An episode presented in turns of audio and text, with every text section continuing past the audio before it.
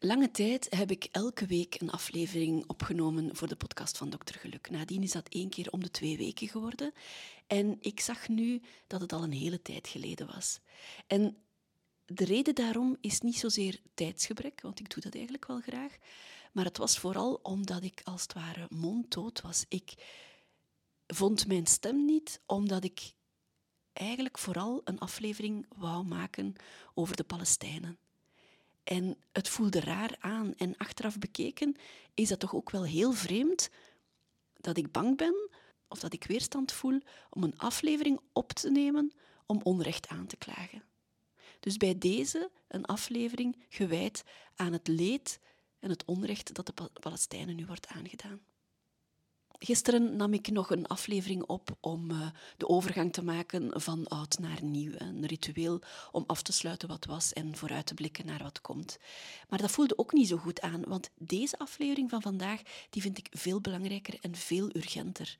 Die zit al zo lang klaar. En de laatste aflevering die ik daarvoor opnam, dat was de aflevering van mijn ervaring met het stikken. Op 11 november was ik gestikt in een brok vlees.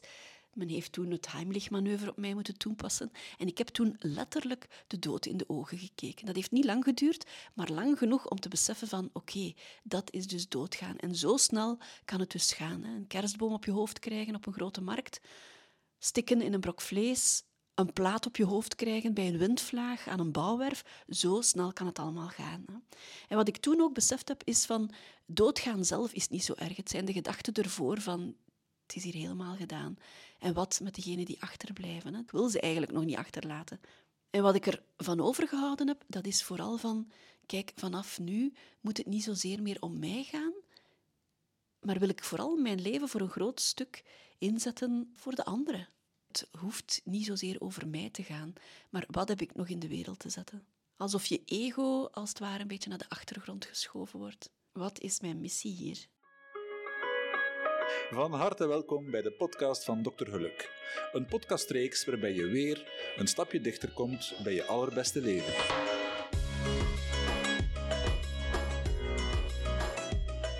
Welkom waar je ook zit, waar je ook ligt en als je onderweg bent, houd dan veilig. Begin oktober, ik was druk bezig met de voorbereiding van mijn retreat. Ik zou een retreat organiseren in Gent voor 14 vrouwen. Was ik op weg naar mijn mama, en hoorde ik op de radio van de aanslag van uh, Hamas. Heel onbegrijpelijk. Een muziekfestival waar Hamas was binnengedrongen en waar ze jonge mensen hadden vermoord of ontvoerd. 1400 doden, hallucinant. Ik kijk al heel lang geen tv-journaal meer, dus ik pik de actualiteit op uit het radiojournaal of uit wat ik oppik rond mij. En op het moment dat ik bij mijn mama aankwam, stond het middagjournaal aan op tv. En zegt ze zo erg Netanyahu zegt dat hij nu heel Gaza met de grond gelijk maakt. En ik kreeg daar kippenvel van. En het was zo'n heel rare zin. Het was te zot voor woorden. Hoe kan je een hele streek platleggen? En tegelijkertijd kwam daar iets heel onheilspellends uit naar voren. Netanyahu wil alles platleggen. En kijk, hier zitten we bijna drie maanden verder en hij is nog altijd bezig met alles plat te leggen. En ik voel me daar nu al maanden zo slecht over. Eén, over het feit wat er daar aan het gebeuren is. Twee, het meeleven met de mensen daar, die ik volg op Instagram en waardoor dat ik eigenlijk een kijk heb op hun dagelijkse leven, live. Maar ook, en zeker ook, hoe wij hier in het Westen reageren. Hoe wij dat allemaal laten begaan, hoe dat onrecht kan blijven, blijven, blijven duren. Ik kan daar met mijn verstand niet bij. En ik volg op Instagram zowel uh, mensen van Joodse origine in België, in de Verenigde Staten, maar ik volg ook mensen met Palestijnse roots. En sinds 7 oktober volg ik ook mensen ter plaatse. Journalisten ter plaatse, content creators ter plaatse. Dus ik zie eigenlijk van beide kanten hoe de berichtgeving is. En het is hallucinant om te kijken hoe verschillend dat is. Ik nodig je uit, als je op Instagram zit, om al is het maar één dag te volgen wat de propaganda in Israël is en wat mensen in Gaza vertellen en tonen. Eén dag maar. En je gaat zien dat dat twee verschillende werelden zijn. Een wereld van luxe tegenover een wereld van armoede. Een wereld van um, zelfvertrouwen en overwinningsdrang.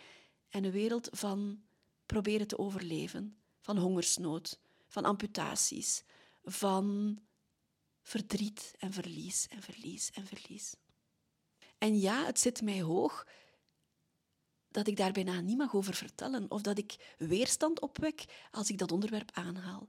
Onlangs nog bij de feesten, aan de grote feesttafel, bracht ik het onderwerp ter sprake en eigenlijk voelt iedereen zich er ongemakkelijk bij en iedereen wil mij het zwijgen opleggen. Saskia, je moet je daar niet mee bezighouden. Saskia, zou je dat wel doen? Hou dat toch gescheiden op je Instagram-profiel. Zet dat privé, maar zet dat toch niet bij dokter Geluk. Maar dokter Geluk valt voor het grootste geluk samen met mijn persoon. Saskia is dokter Geluk. Hè? Mijn werk is mijn missie, mijn werk is mijn passie. Er is heel weinig dat uh, niet toebehoort aan dokter Geluk. Tuurlijk, mijn privéleven en de mensen in mijn leven. Ik ga niet elk detail uitspitten uh, in de podcast van Dokter Geluk. En ik hoef niet elke ruzie of elke discussie die ik met mijn lief heb uit te spitten op Dokter Geluk. En ik hoef in mijn Instagram-post niet uit te leggen waarom mijn dochter die dag ongelukkig is. Dus dat deel hou ik gescheiden. Maar het deel van mij dat wil spreken over onrecht, dat is even groot bij Saskia van Warenberg als bij dokter Geluk. En natuurlijk speelt het een grote rol dat ik hoogsensitief ben. Hè. Dat is ook de reden waarom ik niet meer naar het tv-journaal kijk. Um, ik werd daar ongelukkig van, ik werd daar onrustig van. Maar wegkijken helpt mij nu niet bij wat er aan het gebeuren is in Gaza. Dat helpt mij totaal niet. Ik wil als hoogsensitief persoon wil ik eigenlijk alles weten. Ik wil de twee kanten horen. Ik wil het hele verhaal kennen. Ik wil de details kennen. En mijn empathie is natuurlijk veel groter dan bij iemand die niet hoogsensitief is. Dus natuurlijk ween ik als ik daar moeders zie huilen om hun kindje dat vermoord is. En natuurlijk huilt mijn hart als ik zie hoeveel kinderen daar op een koude vloer liggen en geamputeerd worden zonder anesthesie. En ook typisch voor hoogsensitiviteit, dat is die diepgaande verwerking. Alle details die ik zie, alle gesprekken die ik hoor daarover, alle politici die ik een mening hoor verkondigen, dat wordt allemaal diepgaand verwerkt. Meer dan bij iemand die niet hoogsensitief is. Dus ik heb daar een beeld van. Ik heb mij daarin ingeleefd. Ik heb mij daar een voorstelling van gemaakt. Maar ik heb daar ook veel informatie over opgezocht. En dat alles samen maakt dat je als hoogsensitief persoon ziek wordt, bij wijze van spreken, als je ziet wat daar allemaal aan het gebeuren is. En als hoogsensitief persoon wil je ook niet oppervlakkig blijven. Het is logisch dat ik naar die diepgaandere betekenis zoek van wat er allemaal gebeurt. Waarom gebeurt in de wereld wat er nu gebeurt? Waarom reageren die leiders zo? Waarom stellen de Verenigde Staten hun veto op een stemming waar bijna iedereen, buiten enkele onthoudingen, waar, waar bijna iedereen het over eens is dat er een staakt het vuren moet komen. En ondertussen zijn we weer al een paar weken verder en zijn er per dag 130 doden weer bijgekomen. Zijn er weer kinderen die hun ouders verloren hebben? Zijn er weer ouders die hun kinderen verloren hebben? Zijn er weer mensen levend verbrand?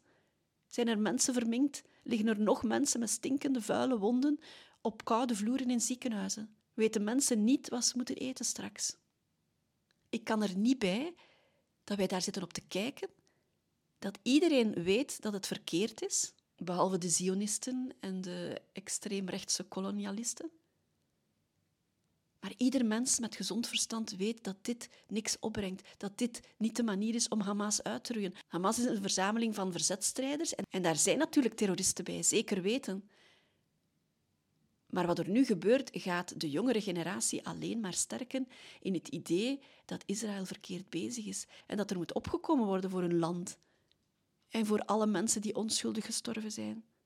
Dus dat krijg je niet weg. Het was nog oktober toen Ramses Nasser die een Palestijnse vader heeft, op de Nederlandse tv een beklijvende monoloog hield. En zei van, we weten nu in de krant alle slachtoffers van Israël. Hè. We hebben een naam gegeven aan iedereen die ontvoerd is door Hamas van Israël. Maar kennen we ook de namen van de Palestijnse kinderen? En hij hield een heel mooi betoog hoe het leven van het ene volk minder waard is dan het leven van een ander volk. En toen ben ik beginnen zoeken op Instagram. Toen ben ik Motas Azaiza beginnen volgen en Yumna Elsia. Toen heb ik Wael El Daou, de hoofdreporter van, van Al Jazeera, leren kennen. Ik heb de dichter Rafi ontdekt. Allemaal mensen wiens leven en werk zich afspeelt in Gaza. Mensen zoals jij en ik, die kinderen hebben, die daar werken, die met passie hun, hun job uitoefenen, die lesgeven aan de universiteit, die gedichten schrijven, die moeder zijn, die opkomen voor hun land, die lekkere dingen koken voor hun kinderen, die mooie content ontwerpen op Instagram, enzovoort, enzovoort. En ik volg ook een Joodse dame in Antwerpen, welstellend, geëmancipeerd, een knappe vrouw. Ik lees haar posts en ik lees ook de posts die uit Gaza komen. Ik volg Al Jazeera, ik volg CNN en ik probeer een beeld te vormen van wat er zich allemaal afspeelt. Hoe kan je niet voor een staakt het vuur zijn als je ziet dat Israël de zwaarste bommen gebruikt om burgers te verdelgen? En ik gebruik dat woord, want het is echt een genocide. Er is geen bewijs dat er al veel Hamas-strijders gevangen zijn. Hè? Er is wel een bewijs dat er al heel veel families in hun totaliteit uitgeroeid zijn.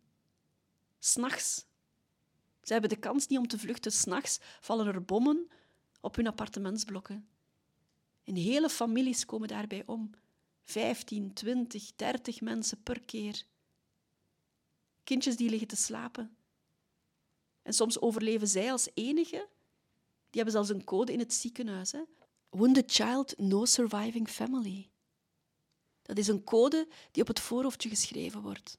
Kindjes die alleen binnengebracht worden. Wie zijn ze? Hoe is hun naam? Tot welke familie behoren ze? Wounded child, no surviving family. Hoe hartverscheurend is dat? Toen mijn dochter uh, buisjes moest krijgen, diabolo's in haar oortjes, omdat ze altijd oorontstekingen had, toen was ik maar al te blij dat ik met mijn dochtertje mee mocht tot in de operatiekamer. Tot het moment waar ze in slaap gedaan werd, mocht ik bij haar zijn. En ik mocht ook weer bij haar zijn op het moment dat ze weer zou ontwaken. En nu zie je beelden van kindjes die op koude vloeren liggen omdat er geen bedjes meer zijn. Kinderen die een bakster krijgen terwijl ze op die koude vloer liggen en terwijl er niemand is om hen te troosten. Nu weet ik niet of dat je zelf kinderen hebt en of dat je zelf ooit al eens met je kind bij de dokter geweest bent of in het ziekenhuis als dat een prikje moest krijgen of als dat moest gehecht worden. Dan weet je hoeveel hartseer je hebt, dat je kind pijn heeft, dat je kind bang is en dat je niks anders wil dan dat kind troosten. Ik heb jaren kind en gezin gedaan. Dan uh, moest ik een hele voormiddag of een hele avond wel dertig kindjes vaccineren. Wel, dan zie je hoe lief en bezorgd die ouders zijn. Hè? Die nemen dat kind op hun schoot, die troosten dat kind. Die houden dat handje vast, die knuffelen dat kindje. En hier zie je kindjes op een koude vloer liggen, zonder enige familie erbij. Die huilen en die niet getroost worden omdat de dokters bezig zijn met hun leven te redden met een bloeding te stelpen, met een amputatie uit te voeren. Niet met dat kind te troosten, dat komt nadien misschien wel. Hoe kan je tegen een staakt het vuren zijn? En hoe kan je ooit wennen aan die beelden van huilende kinderen die binnengebracht worden met letsels die ik alleen maar ken omdat ze beschreven zijn in de Eerste Wereldoorlog? En nee, ik ben absoluut niet anti-Joods. Integendeel, ik heb meegeleefd toen ik nog in de lagere school zat, leefde ik al mee met Anne Frank en ging ik naar het Anne Frankhuis. Ik heb een paar maanden geleden nog op het vliegtuig, toen ik terugkwam van Mexico, heb ik Edith Eger gelezen. De Keuze, een prachtig, prachtig levensveranderend boek. Lees het, het zal je leven veranderen. Ze heeft twee belangrijke boeken, hè? The Choice en The Gift. Een prachtige, fantastische dame met een levensverhaal ongelooflijk. Dus ik heb altijd al bewondering gehad. La Vita e Bella, Children's List, films die raken tot, op, tot, tot in elke vezel van je lichaam. Tuurlijk heb ik meegeleefd als ik de verhalen hoorde over Auschwitz. Maar wat er nu aan het gebeuren is, is van dezelfde orde. En dat heeft niks meer met religie te maken, maar met onmenselijkheid. En hoe meer ik begin op te zoeken en hoe meer ik mij er begin te verdiepen, hoe onrechtvaardiger het wordt. De Palestijnen zijn ooit al eens verdreven in 1948, omdat Israël besloten had van het land terug te pakken, het, hun beloofde land. Israël vond dat iedereen die kan bewijzen dat hij van Joodse afkomst is, recht heeft om de nationaliteit van Israël te krijgen. Natuurlijk moet er daar plaats voor zijn. Dus wat gebeurde er? De Palestijnen zijn verdreven met de Nakba en hebben nog maar een klein stukje grond in Gaza gekregen en op de westelijke Jordaan-oever. En in plaats van een twee-statenbeleid zijn Palestijnen tweederangsburgers geworden, met checkpoints waar keer op keer op keer worden gecontroleerd voor ze in het land zelf mogen reizen. Ze mogen niet naar het buitenland. Als zij een misdaad begaan, dan valt het onder militair recht. Als een Israëlische burger iets mispeutert, dan valt het onder het gewone recht. Jaren en jaren en jaren, decennia lang, leven zij al als tweederangsburgers. En er waren toenaderingen hè, van de PLO, bijvoorbeeld Yasser Arafat. Er zijn de Oslo-akkoorden geweest, maar toch heeft Israël nooit willen doorduwen dat er twee-statenbeleid kon zijn. Natuurlijk groeit er dan verzet. Hè. Wat zou je, hoe zou je zelf zijn als je keer op keer wordt gefouilleerd, enkel en alleen omdat je nu eenmaal een Palestijns burger bent? Je moet eens gaan kijken op de Israëlische tv wat voor haat daar gepredikt wordt hoe mensen daar praten over Palestijnen. Daar wordt gepraat over Palestijnen als animals. Daar is geen respect. En natuurlijk zijn daar vredesactivisten en natuurlijk zijn er daar mensen die het goed bedoeld hebben. Er zijn trouwens ook mensen die net dan ontvoerd zijn in die kibbutz. Net zij die ontvoerd zijn, vredesactivisten, die vermoord zijn of ontvoerd zijn. Heel, heel onrechtvaardig. En wat er onbegrijpelijk is, dat is dat dat nu al bijna drie maanden doorgaat dat er betogingen zijn, dat er boycotts zijn van Zara, van Starbucks, van eh, heel veel bedrijven die investeren in nieuwe nederzettingen. Nieuwe nederzettingen, dat wil zeggen mensen die van Joodse afkomst zijn, die in Israël de nationaliteit aanvragen, die kunnen daar dan natuurlijk een woning, een woning bouwen. Maar daar is grond voor nodig. Dus wat gebeurt er? Israël pikt alsmaar meer grond af van de Palestijnen. Er zijn filmpjes die nu circuleren in Israël, promotiefilmpjes van bouwpromotoren, waar een woning beloofd wordt met zicht op zee. Nu de Palestijnse woningen gebombardeerd zijn en nu Gaza plat ligt. Hoe ziekelijk is dat? Dat je zou gaan bouwen op grond waar mensen hun leven verloren, louter en alleen omdat ze Palestijn waren. Hoe kan je daar genieten in je villa met zicht op zee, als er bloed in de grond zit. Ik kan daar niet bij. Beste vriendinnen van mij, die het goed met mij voor hebben, hè? Die, die, die mij nauw aan het hart liggen, die zeggen mij, Saskia, stop erover, zwijg erover, doe dat op je privéaccount, niet op dokter Geluk. Saskia, stop met naar die beelden te kijken. Mijn lief zei, zit je nu weer al te kijken naar de Palestijnen? Stop daarmee, het maakt je ziek. Het maakt mij niet zo ziek als de Palestijnen daar. Het onrecht dat ik voel is geen fractie van wat die mensen daar wordt aangedaan. Maar ik wil er blijven over spreken. Ik wil aan de juiste kant van de geschiedenis staan. Ik wil later kunnen zeggen dat ik wel ben gaan betogen. Twee weken geleden ben ik gaan betogen in, in Brussel, helemaal alleen. Ik ben daar nog wel een vriendin en haar familie tegengekomen, maar voor de rest heb ik daar geen bekenden gezien. En ik kreeg wel berichtjes, chapeau dat je dat doet. Amai, knap van jou dat je dat doet. Ja, ik wou dat doen. Ik wilde niet in mijn zetel op zondagmiddag blijven zitten. Ik wilde meestappen en ik wilde aan die mensen in Palestina, al is maar dat ze de beelden zagen van al die protestmarsen in heel de wereld, dat ik daarbij was. Ik ben ook maar een druppel van die hele massa. Maar als niemand buiten komt, dan zijn er geen beelden van mensen die opkomen voor hen. En die mensen kijken recht in de camera, op hun Instagram-account, die kijken recht in de camera en die zeggen, alsjeblieft, vergeet ons niet. Alsjeblieft, vertel ons verhaal, vertel over ons. Morgen zijn we misschien dood, maar laat ons verhaal verder leven. Er is het mooie gedicht van die dichter, van die universiteitsprofessor, die zegt van, kijk, zoek een stuk stof en maak er een vlieger van. En laat die vlieger hoog in de lucht en vertel over ons. En die man is de dag nadien omgekomen bij een bombardement samen met zijn familie. Er zijn mensen die eten gingen zoeken voor hun kinderen die niet thuis waren. En op dat moment wordt hun huis gebombardeerd, is heel de familie dood en zijn hun zeven kinderen dood. En je ziet die mensen in de camera kijken en vragen aan ons van doe iets, laat ons niet in de steek. Waarom vergeten jullie ons? En waarom? Waarom zijn de Verenigde Staten zo bereid om verder die oorlog te financieren. En die oorlog, daar is heel veel discussie over het woord oorlog. Want oorlog, dat doe je met een vijand, dat doe je met mensen die kunnen terugvechten, die ook een leger hebben. Dat doe je niet met onschuldige burgers, dan is het een genocide. Er zijn interviews met extreemrechte politici die verkondigen van elke Palestijn moet sterven. Ook de baby's, ook de zwangere vrouwen, zodat ook het, het uh, gedachtegoed van de Palestijnen mee verdwijnt. Onmogelijk, hè? Onmogelijk.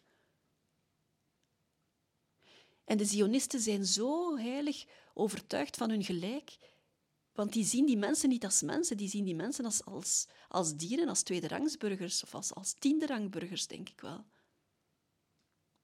Die zijn ook geïndoctrineerd natuurlijk. Hè. Wie kan het een kwalijk nemen? Maar als iedereen blijft zwijgen, dan blijven zij zo verder redeneren. Er is ook al heel wat protest in Israël zelf, want dit brengt niks op voor de mensen die gegijzeld zijn. Hè. De mensen die nog altijd vastzitten na 7 oktober, die zijn ook niet veilig als alles daar zo gebombardeerd wordt. En het raakt mij, het raakt mij als arts, het raakt mij als mama, het raakt mij als mens, tout gewoon. Als ik die beelden zie in de ziekenhuizen, als ik die artsen en dat verplegend personeel en al die paramedici en al die logistieke medewerkers bezig zie in die chaos, zonder middelen, hè? Verschrikkelijk. Je moet maar naar één fragmentje kijken, die huilende kinderen. Dan wil je toch gewoon weglopen, dan wil je toch gewoon onder je deken kruipen in je zetel en wegblijven uit dat ziekenhuis en bekomen voordat je er zelf bij neervalt. Maar nee, die blijven doorgaan. Die hebben ook geen zetel om terug naar huis te gaan. Die hebben geen huis meer. Er is geen verdoving meer. Amputaties worden uitgevoerd zonder verdoving. Er is een fragment dat ik zag van een arts, een chirurg, die een amputatie moest uitvoeren bij zijn eigen zoon zonder verdoving. En die zoon heeft het niet gehaald, want die is gestorven van de pijn. Van de onmenselijke pijn, die heeft het niet overleefd. En die chirurg heeft die operatie uitgevoerd en is zijn eigen zoon verloren bij diezelfde operatie. Er is een account van artsen, hè? en daar zie je hartverscheurende berichten van mensen die willen helpen, maar die zo op zijn, die al maanden, maanden op volle toeren meedraaien in ziekenhuizen die half vernield zijn, waar ze niet toegang hebben tot de juiste middelen. Trek uw plan. Ik heb 22 jaar gewerkt als uh, huisarts. Ik heb elke dag, dag na dag, bloed geprikt bij mensen. Ik kan je verzekeren, als mensen uitgedroogd zijn, dan is het heel moeilijk om een ader te vinden. Dan is het heel moeilijk om een bakster te steken. Nu, die mensen hebben daar geen toegang tot water. Water is daar schaars. Mensen drinken zeewater en worden ziek natuurlijk. Nu, als kinderen niet drinken, dan drogen ze uit. En dan is het heel moeilijk om ze aan te prikken. En dan zie je die verpleging op hun knieën zitten naast een kind op die koude, besmeurde vloer vol bloedvlekken. En die doen daar hun best om een kindje te prikken dat ondertussen niet getroost wordt door ouders die ernaast zitten, want die ouders zijn omgekomen. En elke keer in de berichtgeving kwam er wel iets erger. En elke keer dacht je, kan het nu nog erger? Dat gaan ze nu toch niet doen. Ze gaan toch niet het ziekenhuis gaan bombarderen. Jawel hoor. En dan heb ik langs twee kanten de berichtgeving gezien. En Israël zei, no way dat wij dat gedaan hebben hoor. Het zijn uh, de Palestijnen die een verkeerde raket afgevuurd hebben. Maar nadien werden er nog ziekenhuizen gebombardeerd. En werden er artsen en verpleegkundigen ontvoerd waar tot op vandaag nog altijd geen spoor van is. Dat zijn niet meer de Palestijnen die dat doen. Hè. Dat is geen verkeerd afgevuurde raket van Hamas. Hè. De horror gaat gewoon voort, dag na dag na dag. Ziekenhuis na ziekenhuis wordt plat gebombardeerd.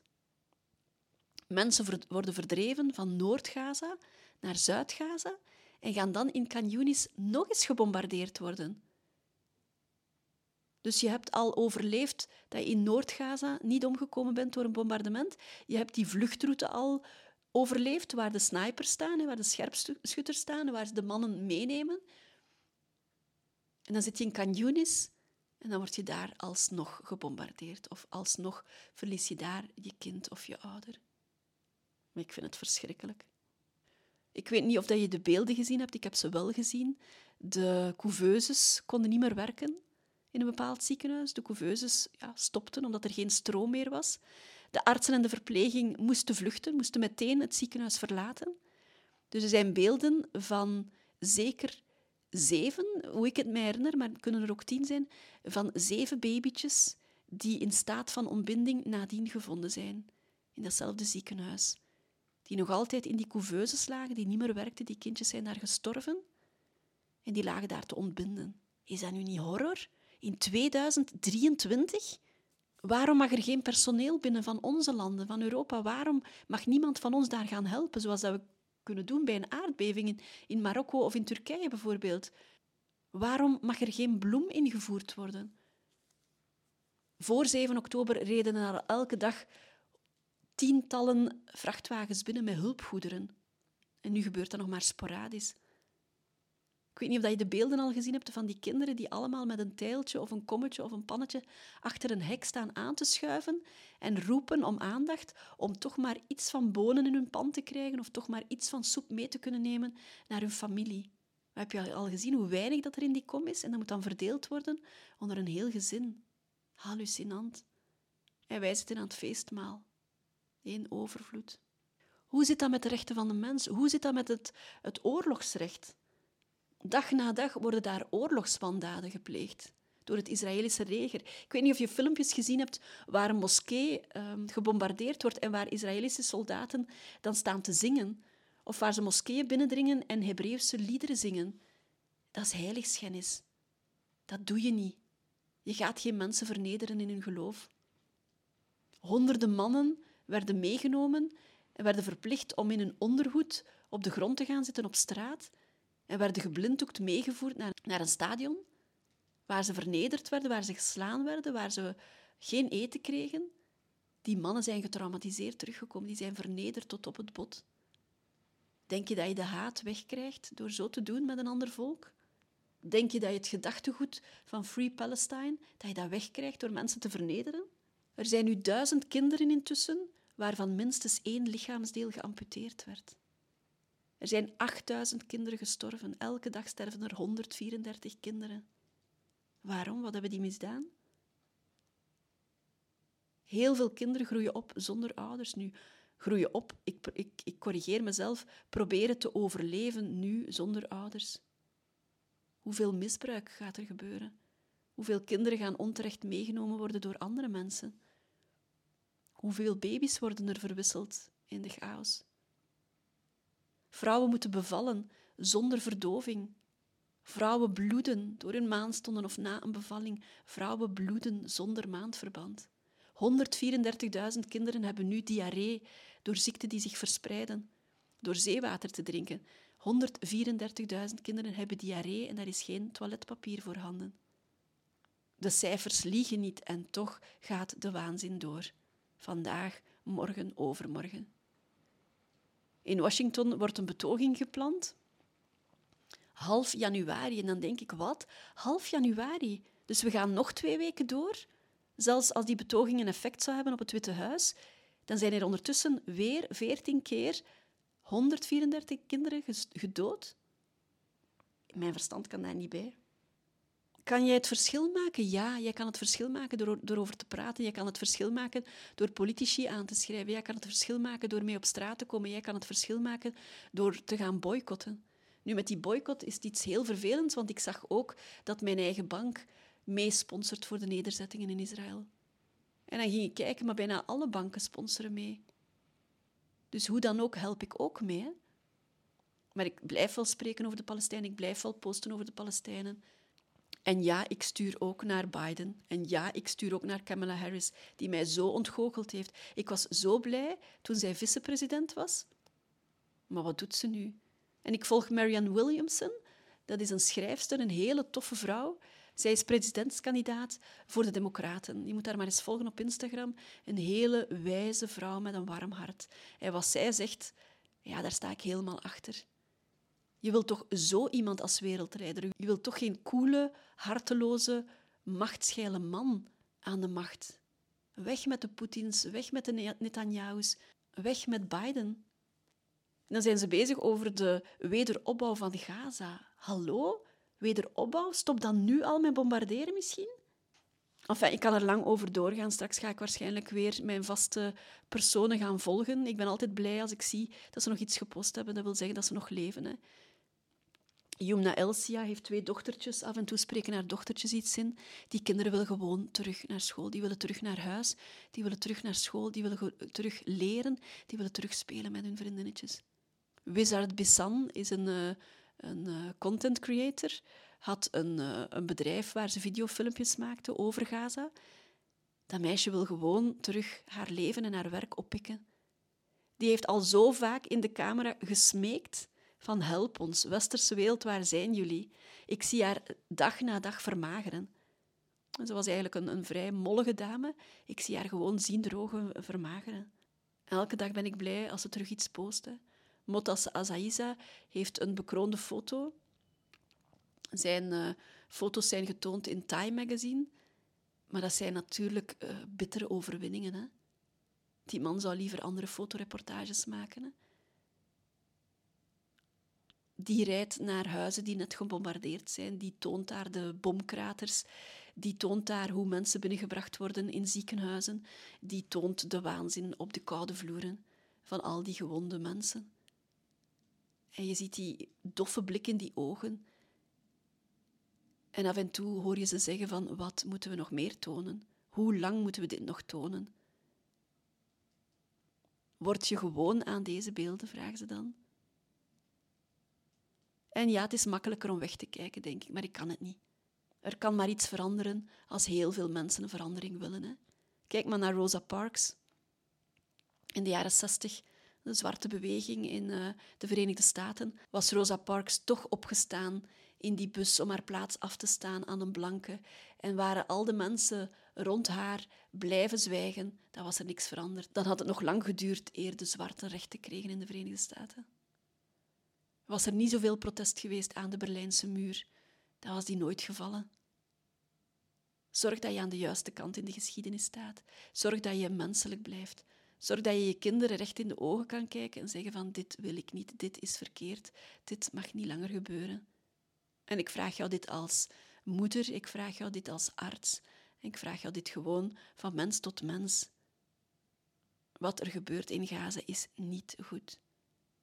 Kijk, ik ga deze uitzending toch publiceren bij Dokter Geluk. En ik weet dat ik kritiek zal krijgen en ik weet dat ik weer uh, mensen zal hebben die mij zullen ontvolgen. Dat is zo op mijn Instagram-account elke keer, elke keer als ik iets post. En dan moet ik zeggen dat ik mij nog heel erg inhoud. Want ik kan beelden tonen van mensen die verkoold zijn omdat ze gebombardeerd zijn en omdat nadien brand uitgebroken is. En mensen die je niet meer herkent omdat ze verkoold zijn. Ik kan jou beelden laten zien van kindjes die binnengebracht worden in de armen van hun vader, wiens schedel uitpuilt, waar de hersenen uitpuilen, omdat hun schedel kapot gebombardeerd is. Hè.